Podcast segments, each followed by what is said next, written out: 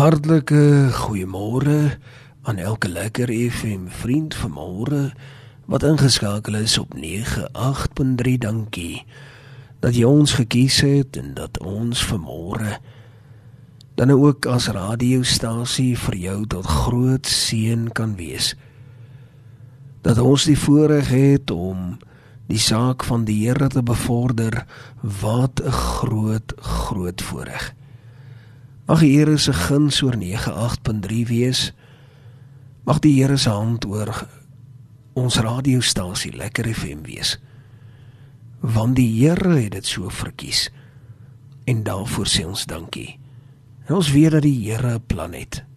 Ons weet ook dat die Here 'n plan het met elkeen. Elke liewe ieder luisteraar wat vanmôre besluit het om in te skakel op 98.3 die Here te plan. Daar is nie per toeval nie. Die Here weet, hy is so groot. Hy is so groot dat hy met miljoene mense op een slag geplan het. En ek weet soms verstaan ons dit nie. Ek dink daar's baie wat ons nie verstaan nie.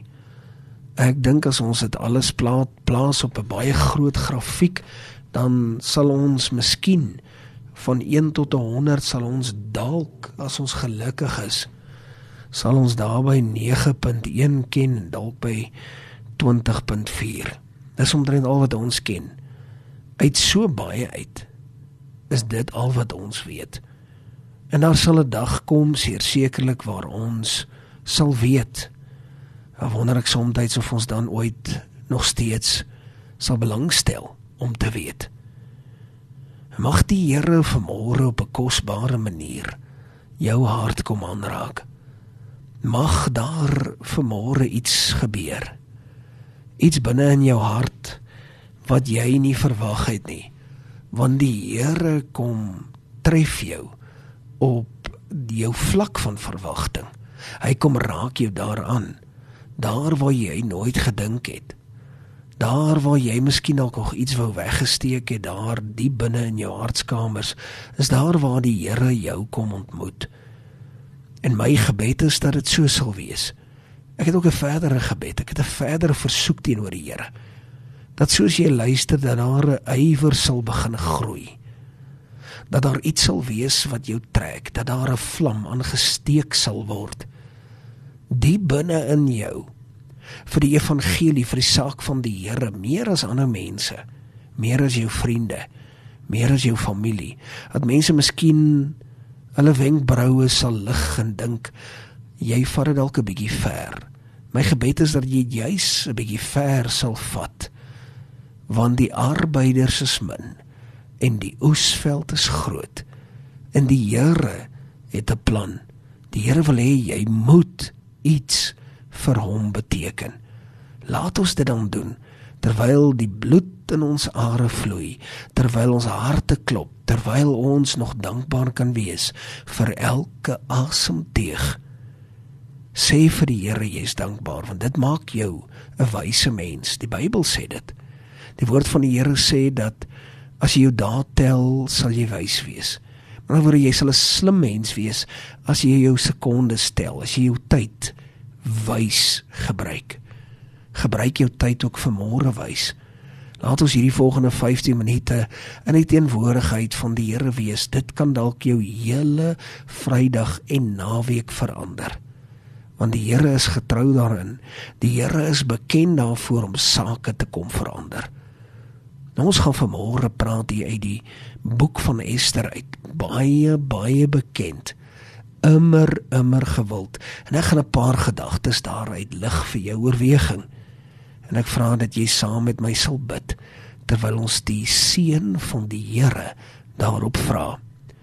Hemelse Vader, kom dan nou en kom seën u woord. U woord is dood eenvoudig die begin en die einde. U woord maak skeiding tussen dit wat reg is en dit wat verkeerd is. Daarom vra ek Here dat U met U almag sal kom antwoorde gee binne in die harte van mense.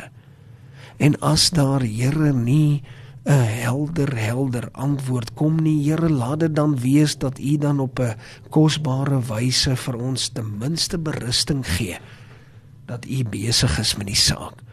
In Jesus naam. Amen en amen. So kosbaar wanneer ons hier deur die boek van Ester lees en ek wil jou aanmoedig jy wat vanmôre ingeskakel is al ons duisende luisteraars wat al reeds ingeskakel is vanmôre ek wil jou aanbeveel gaan lees hierdie boek gaan lees hierdie paar hoofstukke. Hierdie is 'n ware verhaal hierdie is nie fiksie nie. Hierdie is iets wat gebeur het wat 'n voorbeeld is vir my en vir jou van wat die Here kan doen. Die grootheid van die Here, die almag van die Here, die tydsbedeling van die Here. Hoe die Here sake net net skuif om reg uit te speel. Jy wat dalk skepties is, jy wat dink jou saak sal nooit verander nie. Ek wil vir jou vandag sê, jou saak sal verander en kan verander op grond van die woord van God wil ek dit vir jou verklaar. Dit kan verander. En dit is ook hier vir my baie duidelik hoe dit hier uit hierdie boek uit opspring. En wanneer jy die algemene toon of die algehele geur of smaak uit hierdie boek uittap, dan sien jy dat die Here agter die skerms geneig is om sake in beheer te kom plaas of om sekere sake te skuwe volgens sy wil en werk.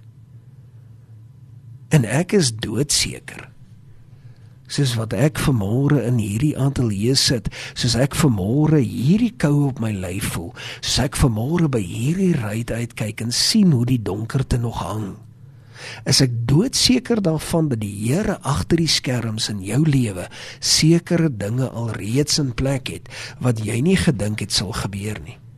Maar dat volgens sy wil is daar alreeds sake in plek. Is net ons voel nie noodwendig dat dit so kan wees nie. Want ons het nou al in ons ou lewetjie al soveel teleurstellings gehad dat ons nie kan dink die Here is besig nie. Ek glo die Here is besig.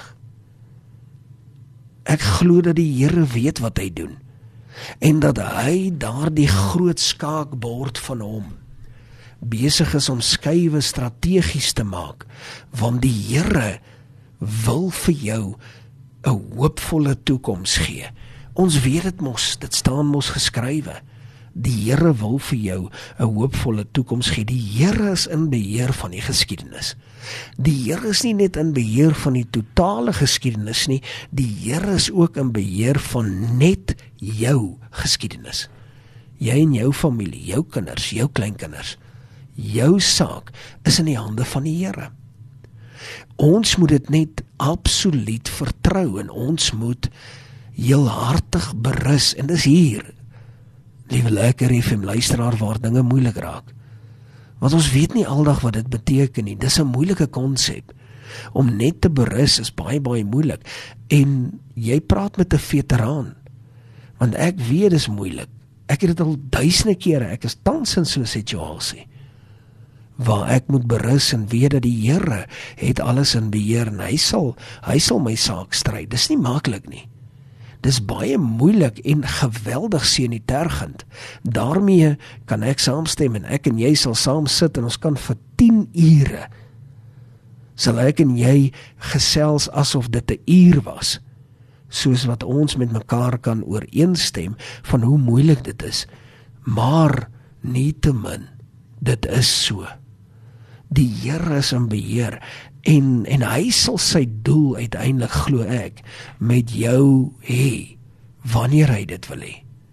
Hy sal uiteindelik sy doel in jou hart sal hy daar wil ek amper sê afsonder. Hy sal dit bereik. Daar is 'n doel en hy sal dit bereik. En hy kan jou wat 'n gewone mens is want dis wat nogal hier uit uit Ester vir my na vore tree. Hy sal vir jou wat net 'n gewone mens is, Wat selfs minder as 'n gewone, jy dink dalk jy's jy's heeltemal nie eers naastenby op 'n plek waar die Here jou sal gebruik nie. Dis vir my duidelik uit die woord uit hier dat die Here juis sulke mense gebruik, mense soos ek en jy wat aanvanklik niks is nie. Die Here gebruik gewone mense. Die Here gebruik vir jou en vir my om groot dinge in plek te bring. Die Here gebruik nie noodwendig vreeslike hoogdrawendheid nie. Nee, die Here gebruik vir jou en vir my om sake op die regte plek te kry. Gewone mense. Jy hoef nie 'n rang te hê nie. Jy hoef nie 'n titel te dra nie. Jy hoef nie 'n dik beursie te hê nie. Jy hoef nie status te beklee nie. Jy hoef nie mense te hê wat jou salieer of wat op jou wat voor jou neerval en hulle knie vir jou buig nie. Nee, gewone mense. Want dis hoe die Here is. Dis die God wat ek aanbid. Dis die koning wat ek aanbid. Die Here gebruik ook gewone omstandighede. Dis natuurlik 'n ander groot voordeel. Jy weet baie maal dink ek die die die mensdom dink daar moet die een of ander geweldige groot ding gebeur. Daar moet 'n groot gebeurlikheid wees voordat die Here sal aankondig dat iets vir hom nou hier gedoen word. Die Here gebruik gewone gewone oomblikke, gewone gewone tyd deur die dag, gewone situasies om sy doel te bereik. Nie die groot vuurwerk oomblikke om iets gedoen te kry nie. Die Here gebruik 'n gewone oomblik in tyd, in die dag by 'n gewone plek om 'n goddelike ding in plek te stel. Gaan kyk maar in die woord. Gaan kyk hier juis in Ester gaan kyk 'n bietjie wat het daar gebeur. Gewone oomblikke, gewone mense, selfs nog minder gewone mense, slawe. En die Here kry gedoen wat hy gedoen wil kry omdat hy God is, nie vanweë die situasie of die mens nie, maar van wie hy is. Die Here kry gedoen wat hy gedoen wil hê van wie hy is, nie van wie jy is nie. Hy kry gedoen wat hy wil hê, nie van weer die oomblik wat groot is nie, maar van vir die van weer die feit wie hy is. En hy kan dit doen. Hy kan dit vandag in jou lewe doen. En dan vind ek hier en is vir my eintlik so mooi dat die Here eer nederigheid. Die Here eer nederigheid. Die Here hou nie van hoogmoed nie. Dit is iets wat ek die afgelope paar jaar veral die laaste 2 of wat jaar, 3 jaar en veral van die tyd wat ek persoonlik self baie baie siek geword het. sien ek die Here gebruik nederigheid. Genederigheid van hart en mag die Here vir my en vir jou help om nederig te wees, sagmoedig en tweede kansse sal gee en te vergewe. Here help ons. Help ons want ons weet as ons trots is, dan sal ons vernietig word. Dit is so duidelik. Dit is juis duidelik uit die woord uit dat u nie daarvan hou dat hoogmoed moet seëvier nie. U hou juis nie daarvan nie. Here help ons om te doen presies wat U wil hê ons moet doen op die regte oomblikke. Seën ons daarin en help ons daarin is my gebed. Tot sover die woord van die Here. Kom ons sit net so. Dan sluit ons die oë, dan bid ons saam. Hemelse Vader, groot, groot is U naam. Here, ek wil elke gebed begin deur om U te prys en U te loof en dit wat U gedoen het en wat U sal doen. U is koning. Here help ons om dit te verklaar en altyd te verklaar en dit te verklaar in nederigheid. Here, ons wil nederig wees. Nederig is die weg. En ek wil vra Here, kom help ons daarmee. Kom lei ons daarin. Here, dankie. Dankie vir die woord. Dankie wat ons kon leer uit Ester uit. Nie omdat ons dit op enige vlak ooit sal verdien nie, maar alleen vanuit genade. Amen. En amen.